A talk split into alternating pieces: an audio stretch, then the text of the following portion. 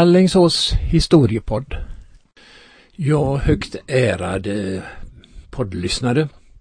Ja, det låter lite kanske högtragande men ni är i alla fall välkomna till podd nummer 61 i serien Allingsås historiepodd. Och eh, den här gången så handlar det inte om våran stadsbevarare Per Henrik Rosenström utan det blir något helt annat. Eh, ni ska få veta hur man såg på ryssen alltså Ryssland, år 1900. För 123 år sedan blir det. Eh, jag har hittat i Alingsåstidningens arkiv eh, ett eh, nummer av Älvsborgs läns tidning från februari år 1900 där man skriver om hotet från öster. Och det är väldigt intressant om man jämför det med hur det ser ut i dagsläget. Det är inte så mycket olika grejer som skett. Utan, eh, ja, jag ska inte avslöja mer nu så här utan vårat huvudnummer det har vi på mycket närmare håll. Det har vi i Västra Bordarna. Ni ska få veta allt om Västra Bordarna. Eller Västra Bordarne kanske vi ska säga. Eh, beroende på om hur man vill uttala namnet. Det är i alla fall en inspelning som gjordes 19, 2004 är det, vi ska säga rätt. I samband med eh, att vi firade eh, närradions födelsedag i 9 april tror jag, eller runt 9 april var det i alla fall. Och det är Tord Jansson som var kommunsekreterare och engagerad i närradion och hade ett brinnande intresse för Alingsås historia som hade bjudit hit Anders Zackrisson som bor i Västra Bodarna och som hade mycket att berätta om hur det var förr i tiden i Västra Bodarna. Och det börjar vi med och det gör vi nu. De olika områdena inom Alingsås kommun kan man säga har sin egen historia. Har en utveckling där olika personer har eh, betytt mycket för bygden. Och vi ska idag sätta fokus på eh, Västra Bodarna. Anders Zachrisson har studerat Västra Bordarnas historia kan vi väl säga. Eh, vad var det från början i det här området? Ja, ska man börja riktigt från början så gå tillbaka till stenåldern så var det inte speciellt mycket som hände ute i Västra Bordarna. Men efterhand så flyttade folk dit, tyckte att det var en trevlig bygd. Man började odla upp. Men det, det, finns alltså spår sedan stenåldern? Det finns spår från stenåldern. Ute på framförallt vid Näset där jag själv bor finns det på flera ställen eh, lämningar. Och min farfars bror som var rätt så intresserad, han samlade ihop väldigt mycket flintbitar och sånt där. Och man kan se att det har bott folk där. Och då talar vi alltså om stenåldern. Sen dröjde det väl fram till 1500-talet ungefär som man i skriftlig form kan se att det har varit folk i Västra Bodane. Det hette ju inte Västra Bodane på den tiden utan det hette Skarpebo. Och det är ett namn som hängde med något hundratal år. Men sen går det då över och kallas då för Västra Bodane eller Västerbodane som det står i alla skriftliga dokument. Eh, sedan så eh, på 1600-talet så fick vi ju de här Älvsborgslösen. Det skulle betalas in massa pengar till staten. Vi skulle ju skicka pengar till Danmark. Och eh, då står det också omnämnt. På den tiden bodde det två familjer i Västra Bodarne. Eh, går man sedan fram till till eh, 1700-talet när eh, husförhörslängderna börjar dyka upp så har de här två familjerna ökats ut något.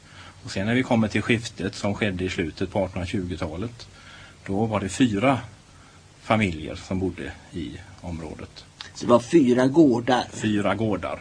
Och de låg ju då centrerade i stort sett där järnvägs, järnvägsviadukt, eller järnvägsövergången är idag. Där bodde de här fyra familjerna. Man bodde ju tätt ihop. Men eh, då slogs det här isär vid skiftet. Och de här gårdarna delades upp. Och och eh, den gården som kom längst ifrån byn, det är där som jag själv kommer ifrån. Det blir längst ner på näset. Eh, det var ju inte lätt på den tiden att vara lantmätare för det var ju många som inte ville flytta ifrån gemenskapen. Och eh, det sägs att lantmätarna väldigt ofta var beväpnade på den tiden när de skulle ut och göra förrättning. Sen under 1800-talet så började det ju hända saker och ting som eh, utifrån påverkade bygden. Ja. Eh, vi hade, det, den största saken som har inträffat för bygden och Västra Bodane det är ju järnvägen. Och man brukar ju säga 1855 som startskottet för byggandet av stambanan mellan Göteborg och eh, Stockholm. De utav er som är intresserade kan ju åka ut till Skaveryd vid Löverkulle och titta på Skaverydstenen för där står ett litet minnesmärke över själva byggstarten. Det tog ju ett antal år innan den var färdigbyggd hela sträckan. Jag vill minnas att det tog väl en fyra, fem år innan Stockholm-Göteborg var klar. Men Västra Bodarna, eh, var det någon station eller anhalt från början där? Ja, det dröjde lite grann eh, innan vi fick något stopp där. Norsesund var, var, var snabbast. De fick i stort sett vid starten. Men det dröjde fram till 1895 innan eh, Västra Bodane fick anhaltsstation. Och eh, många utav tågen då stannade bara för eh, eh, avstigande. Så det var inte alla gånger lätt att ta sig därifrån. Sen eh, fick vi då den här lilla anhaltstationen i slutet på 1800-talet. Och den fick vi hållas med fram till 1917.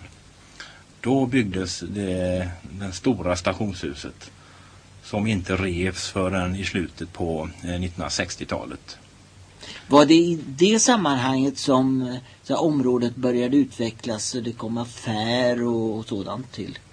Ja, det hände ju en sak till här efter järnvägen. Det var ju slutet på 1800-talet. Då var ju den stora utvandringen till framförallt USA. Och eh, det var väldigt mycket folk även i Västra Bodarne som lämnade för att bygden gav ju inte så mycket och det var stora barnkullar och man kunde inte dela gårdarna hur många gånger som helst. Så det blev ett avbräck i slutet på 1800-talet. Och då hade vi en affär i Västra Bodarne och det räckte. Men så kom gröna vågen vid förra sekelskiftet. Många rikare göteborgare framförallt som flyttade upp tack vare järnvägen. Och i och med det så blev det eh, ett antal fler affärer som dök upp. Och eh, vi har ju bland annat då Nygrens affär som kom eh, i början på 20-talet. Nygren var ju ingift i familjen Svensson. De Alingsåsare som är lite kunniga på sin historia här vet ju att Nygrens affär heter ju Eh, Svensson och Nygren från början, alltså J.P. Svensson. Och det är Johan Peter Svensson som kom från Västra Bodarna ursprungligen. Sedan lite längre fram på 1900-talet så blev det ytterligare butiker eh, som då överlevde tills bilen kom. För sen fick ju mer och mer folk bil på 1950-talet och 1960-talet. Och då försvann eh, butikerna efterhand. Så det var ju stort sett bara Nygrens affär som hängde med till ungefär 1980 när den lades ner. Men det här med att eh, göteborgare började söka sig eh, till eh, Västra Bodarna och eh, då kunde använda järnvägen. Det var väl en stor kick för bygden? Det var en riktigt stor kick. Och eh, vi har ju två stora herrar som dök upp vid föregående sekelskifte. Och den ene var mm, krögaren Paulsson. Han ägde och drev Gamleport i Göteborg. Och han kunde ju på ett enkelt sätt ta sig upp till Västra Bodarna med hjälp av tåget.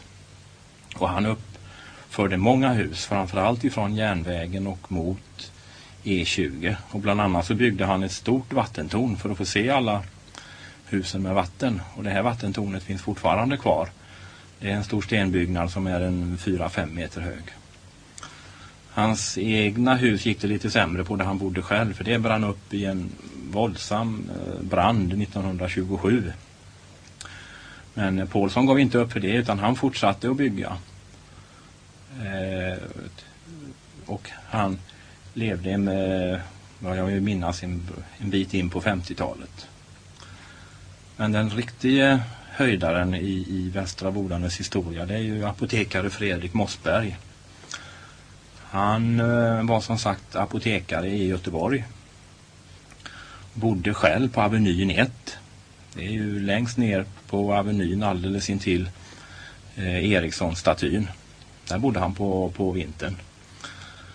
Eh, på sommaren och på helger när det var kärnligt så tog han sig upp till Västra Bodane där han byggde villan Sommarå. Han köpte den marken och det området hette Svingelkärr från början. En av vägarna där heter, kallas ju än idag för Svingelsväg. Som sagt, han byggde Sommarå och det var lite inne vid föregående sekelskifte med gröna vågen. Man skulle vara lite jordbrukare. Det var fint för rika göteborgare. Och han eh, anställde folk. När det var som mest så hade han väl storleksordningen 10-15 anställda på Sommarå. Skötte om huset, och även om jordbruket. Och personalen som jobbade i huset, de var där att ifall han åkte upp. Det kunde ju alltid vara trevligt att ha det varmt och middagen klar när han, när han kom dit. Han köpte upp flera gårdar runt omkring i Västra Bodane. Han eh, eh, investerade mycket pengar. Han gav väldigt mycket arbete. Och de som är ute i, där ute ibland och tittar kan se alla dessa stenarbete som gjordes framförallt runt villan. Han eh, eh,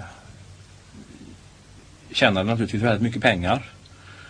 Och eh, jag tror att det var inte förrän fram på 20-talet som eh, apoteken eh, förstatligades i Sverige. Så att det gick bra för, våra, för, för apotekarna. Men eh, 1916 så dog han. Och vad då skulle då ske med hela, eh, allt detta som han hade gjort, byggt upp och köpt på sig? Då donerade han alla pengarna till Göteborgs stad. Och eh, de fick i uppgift att förvalta detta på bästa sätt och det skulle gå till barn som av olika anledningar hade det svårt. Göteborgs stad byggde efter ett antal år Mossbergska friluftsskolan. Och där eh, drivs ju än idag verksamhet. Så att eh, hans tankar fungerar ju fortfarande och eh, hans minne lever kvar där. I området eh, där blev det ju då också permanent eh, bosatta och eh, de blev fler och fler. Det behövdes någon skola. Hur är det på skolfronten? Ja, skol, skolan, det, vi följer ju Sveriges historia där. Det var ju 1842 först som det blev skola. Men det dröjde fram till 1870-talet innan det blev någon direkt skolbyggnad i Västra Bodan och det är bort mot eh, Gräskärr. Där hade man ett litet skolhus. Sedan byggde man en, en riktig skola intill viadukten. Den eh, första skolan som stod där, den revs slutet på 10-talet och så byggde man en ny stor skola som sedermera blev mattaffär och numera är bostad. Slutet på 60-talet byggdes den nuvarande skolan på på eh, Gärdasåker, det är den som drivs. Men det var inte bara skola som behövdes, vi behövde ju ha post. Post fick vi redan 1867 i Norsesund, för det var det som var vår postadress. Men det var många som tyckte att det var lite besvärligt att ha posten långt ner i Norsesund. Så därför så tjatade man på postverket. Och 1907 så fick vi egen postlokal. Det dröjde fram till 1915 innan vi fick telegraf eller telefonstation som det heter. Och den var ju manuell fram till 1955 när den automatiserades. Det var eh, ju också så att eh, i bygden så samlades folk till eh, gudstjänster. Det var ju en bit från kyrkan. Eh, och det byggdes så småningom ett eh, missionshus. När kom det till? Ja, det råkar vara att det är precis 130 år sedan i år. Det var 1874. Då får vi gå tillbaka till denne Johan Peter Svensson som sedermera gifte bort dottern med Nygren. Det var han som skänkte den här tomten. Man byggde det här missionshuset. Missionshuset ligger eh, kvar på samma ställe. Men den järnvägsövergång som var alldeles intill huset är numera nedlagd och man har ju sedan 20-talet haft en järnvägsviadukt.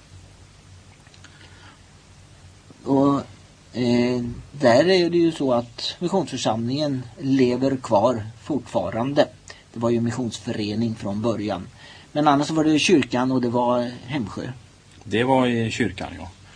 Och där är vi ju inne på det andra kyrkobygget då 1859 tillkom det.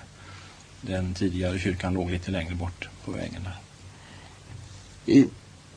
Dagens eh, Västraborna är ju inte alls likt det som var på 1800-talet.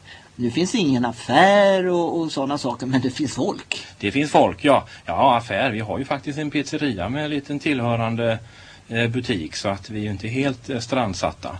Men eh, affär och, och, typ serveringar och kiosker och sånt där var det ju väldigt mycket mer förr. Så att det har ju blivit lite mer utav en sov, sovförort till Alingsås och Göteborg. Men eh, befolkningen växer. Befolkningen växer hela tiden. Det byggs ju fortlöpande lite grann här och var så att eh, bygden står inte still i utvecklingen. Nej, vi får se vad som händer och att det sker en utveckling, det är vi ju medvetna om. Tack Anders Zachrisson. Tack. Och tack självklart till eh, Tord Jansson som här intervjuade Anders Zachrisson. Tord finns inte med oss längre men han har gjort många inspelningar och ni kommer att lyssna på honom ett antal gånger här i Alingsås historiepodd. Nu över till någonting helt annat som man sa. Now to something complete different. Ni som tittade på Monty Python eh, när det gav sig, begav sig så känner ni igen det här uttrycket. Och något helt annat, det är ryssen. Och det är väldigt aktuellt med tanke på vad MUST, alltså militära underrättelsetjänsten, har kommit ut med eh, under den här veckan. Och eh, nu pratas det om att eh, ryssarna kommer att eh, sjösätta mycket spioneri kanske. Så att nu gäller det att en svensk tiger, nej så ska jag kanske inte säga, men så här såg man på det eh, hur ryssen var för 123 år sedan.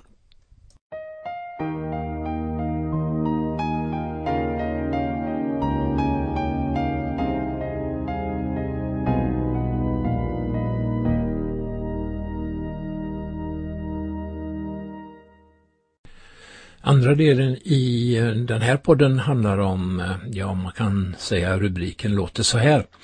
Var ej allt för rädd för ryssen. Han törs inte.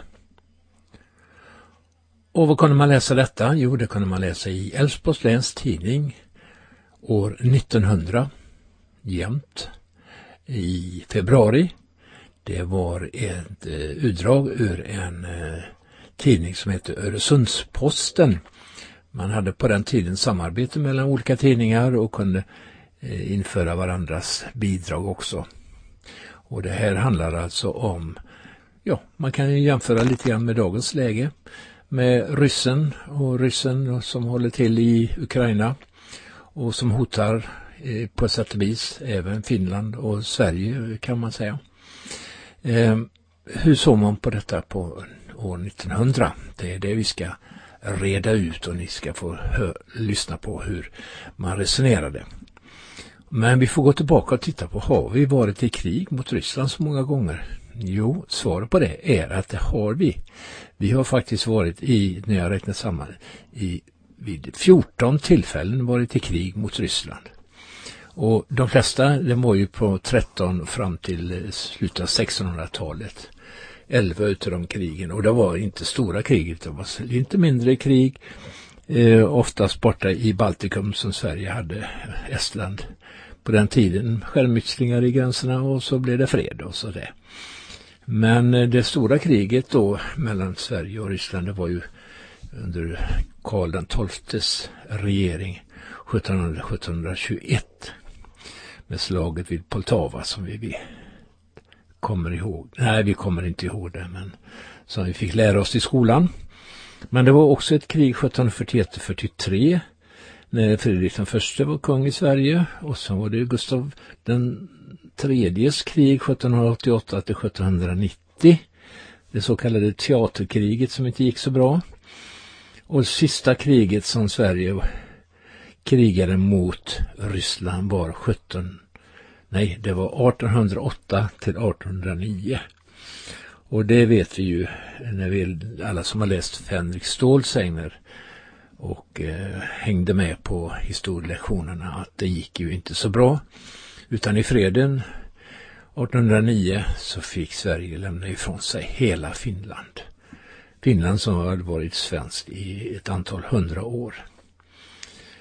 Men sen fick ju Sverige utökat på andra sidan och det var i kriget 1813-1814 då Sverige stödde de allierades i kamp, kamp mot eh, Napoleon och Danmark var då en bundsförvant till Napoleon så att eh, Danmark fick lämna ifrån sig Norge till Sverige och Sverige lämnade ifrån sig svenska Pommern eh, som utbyte mot det hela. Så att eh, ja, det där med krig det är lite konstigt. Men vad hände då? Vad kunde man läsa i Älvsborgs läns tidning i februari år 1900? Jo, då återkommer vi till rubriken. Var ej alltför rädd för ryssen. Han törs inte. Ur den förut omtalade skriften Blick på Sveriges politiska forntid fram till idag meddelar vi ytterligare några omarbetade utdrag. En mer än vanlig oro för Sveriges framtid råder för närvarande hos oss. Detta har nog sina fördelar, ty bevarandet av vår politiska självständighet kan ej nog ligga oss om hjärtat, men allt bör ske med sans och sanningens obegränsade helgd bör av oss alla erkännas. Ryssland anses nu nästan allmänt vara det enda land varifrån Skandinavien kan ha att vänta någon fara. Varsamhet mot detta land bör aldrig försummas. Dock förtjänar tillses huruvida faran är så ovillkorlig som man vanligen påstår. Ryssland önskar gärna komma i besittning av en större eller mindre del av skandinaviska halvön och i det minsta att få en isfri hamn vid Norges polarkust. Eller ännu bättre vid Atlanten. Det är sant. Och att där önska åstadkomma en krigshamn är helt naturligt. Men hur föga tillfredsställande av denna önskan beror blott av Ryssland självt eller av de skandinaviska folken visar följande. Under kung Oskar den förstes regering gjorde Ryssland en framställning om att för en hamnplats skull tillbyta sig Varangefjorden, belägen nordligast i Norge och helt nära Rysslands gräns. Som denna fjord genom Golfströmmens värmande inverkan är isfri nästan hela året blev det genast oro i flera diplomatiska kretsar. Där man strax insåg att det var fråga om en krigshamn. Och England, vars övervikt på sjön skulle sättas på ett ytterst farligt prov om Ryssland finge en ölågstation så nära Atlanten, tog i synnerhet saken allvarsamt. Att själva kejsaren Nikolaus, som före Krimkriget var synnerligen oböjlig, likväl fann för gott att låta frågan falla. Denna tilldragelse är, så vitt vi känner, det sista exemplet av samma slag.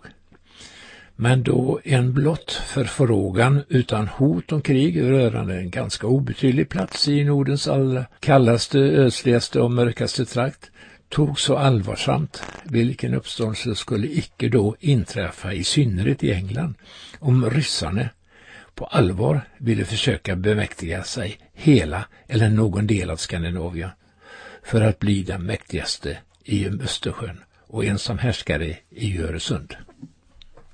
Man ser också hur ivrigt England är att försöka hindra varje utvidgning av det ryska väldet, även längst bort i det östra Asien.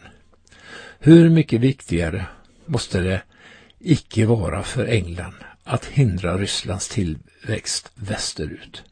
Men det är nog med att England är en avgjord motståndare till Rysslands tillväxt och vid ett eventuellt överfall från Rysslands sida på Skandinavien ögonblickligen skulle skrida till angrepp på tsarväldet, icke av vänskap för de nordiska folken utan av angelägenhet att värna sin egen makt. Därtill har på senare tid kommit ännu en för oss synnerligen gynnsam omständighet.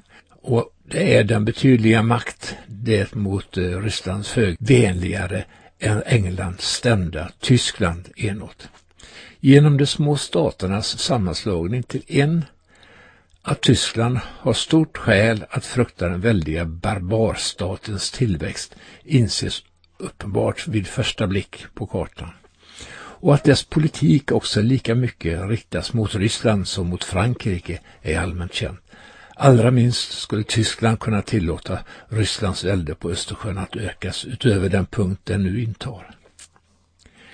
Tyskland och England är således våra två naturliga och i hög grad mäktiga bundsförvanter, mot vilka samtycke Ryssland helt enkelt knappast kan utan att alltför stor risk tillfoga skandinaviska halvön någon skada. Men skulle icke Tyskland och Ryssland kunna komma överens om en sådan delning att Tyskland tog Danmark och södra Sverige, varemot Ryssland tog Norge jämte mellersta och norra Sverige? Icke heller härför tog någon fara finnas, ty varken Ryssland eller England skulle för någon del finna sig i att låta Tyskland ensamt bestämma över både bälterna och Öresund. Och förresten kommer ju Ryssland på det sättet i tillfälle att bygga den atlantiska krigshamn som enligt vad vi sett ingen av de båda andra nämnda stormakterna velat av. Ett anfallskrig på Skandinavien skulle för Ryssland bli mycket svårt. Om fienden ville landsvägen över gränsen mot Finland föra en landarmé hit gällde det att föra soldater, kanoner, ammunition och annat tillhörande genom oerhört långa och ofruktbara landsträckor. Blott från Haparanda till Gävle är avståndet 98 svenska mil och ej nog med ofruktbarheten på dessa väldiga sträckor. Terrängen är därjämte svårt oländig och genombruten av en mängd floder. Utom vanliga mindre floder finns omkring 20 stora sådana, varav åtta är väldigt stora. Alla dessa floder, över vilka naturligtvis alla broar upp revos för ryska hären och måste övergås med hästar, kanoner, krigsmaterial och förråd av alla de slag, varibland föda och foder med mera. Härtill kommer att svensk och norsk beväpnad styrka kunde på mycket lättare per järnväg forslas till varje flod och varje pass, varefter järnvägarna upprevos på varje punkt där det icke blev möjligt att försvara dem. Ryssarna måste således med vanliga hjuldon på usla vägar utan broar framskaffa hela sin armé med väldiga kanoner och foror genom en trakt där på många mil icke ens finns en liten stuga.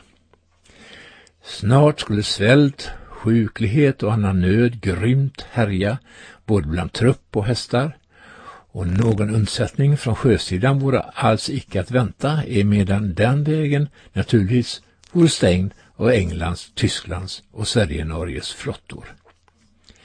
I ett krig mot skandinaviska halvön kommer dock Ryssland naturligtvis även och främst att använda sin flotta för att försöka landstigning i landets sydliga delar. Även detta blev ett mycket riskabelt företag. Djupgående fartyg kunna endast på få ställen landsättas vid Sveriges kust, var emot vi med vår kust- och skärgårdsflotta, torpedbåtar och dylikt vore i stånd att göra fienden svårt avbräck. Ensamma skulle vi likväl i längden omöjligt kunna försvara oss mot Ryssland, men man kan vara övertygad att den ryska flottan finge något helt annat att sysselsätta sig med än att göra landstigningsförsök på våra kuster. Den blev säkert alldeles tillräckligt upptagen med att försvara sig mot de engelska och tyska sjömakterna. Må dock ingen föreställa sig att vi anser det Skandinaviens folk kunna ensamt förlita sig på sina naturliga vänners hjälp. Vi började ordna vårt försvarsväsen på fullt praktisk grunder och så som vi så ofta sagt, helst göra det till vad det uteslutande bör vara.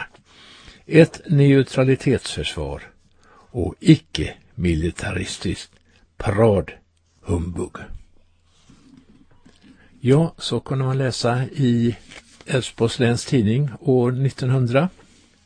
Och sen kan ju var och en av oss tänka på och jämföra med vad som skulle hända idag och vilken hjälp vi skulle få från främmande makter.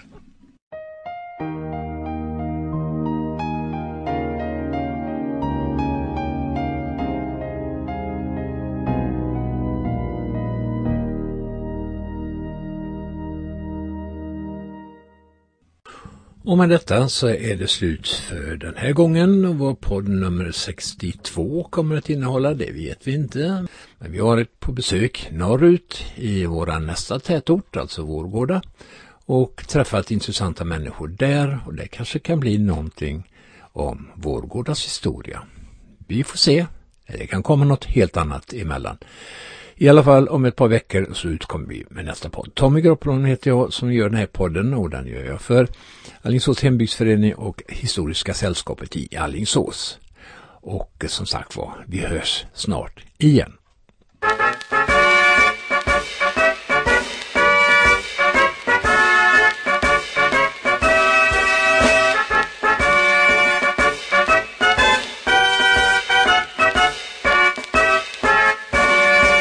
Allingsås historiepodd.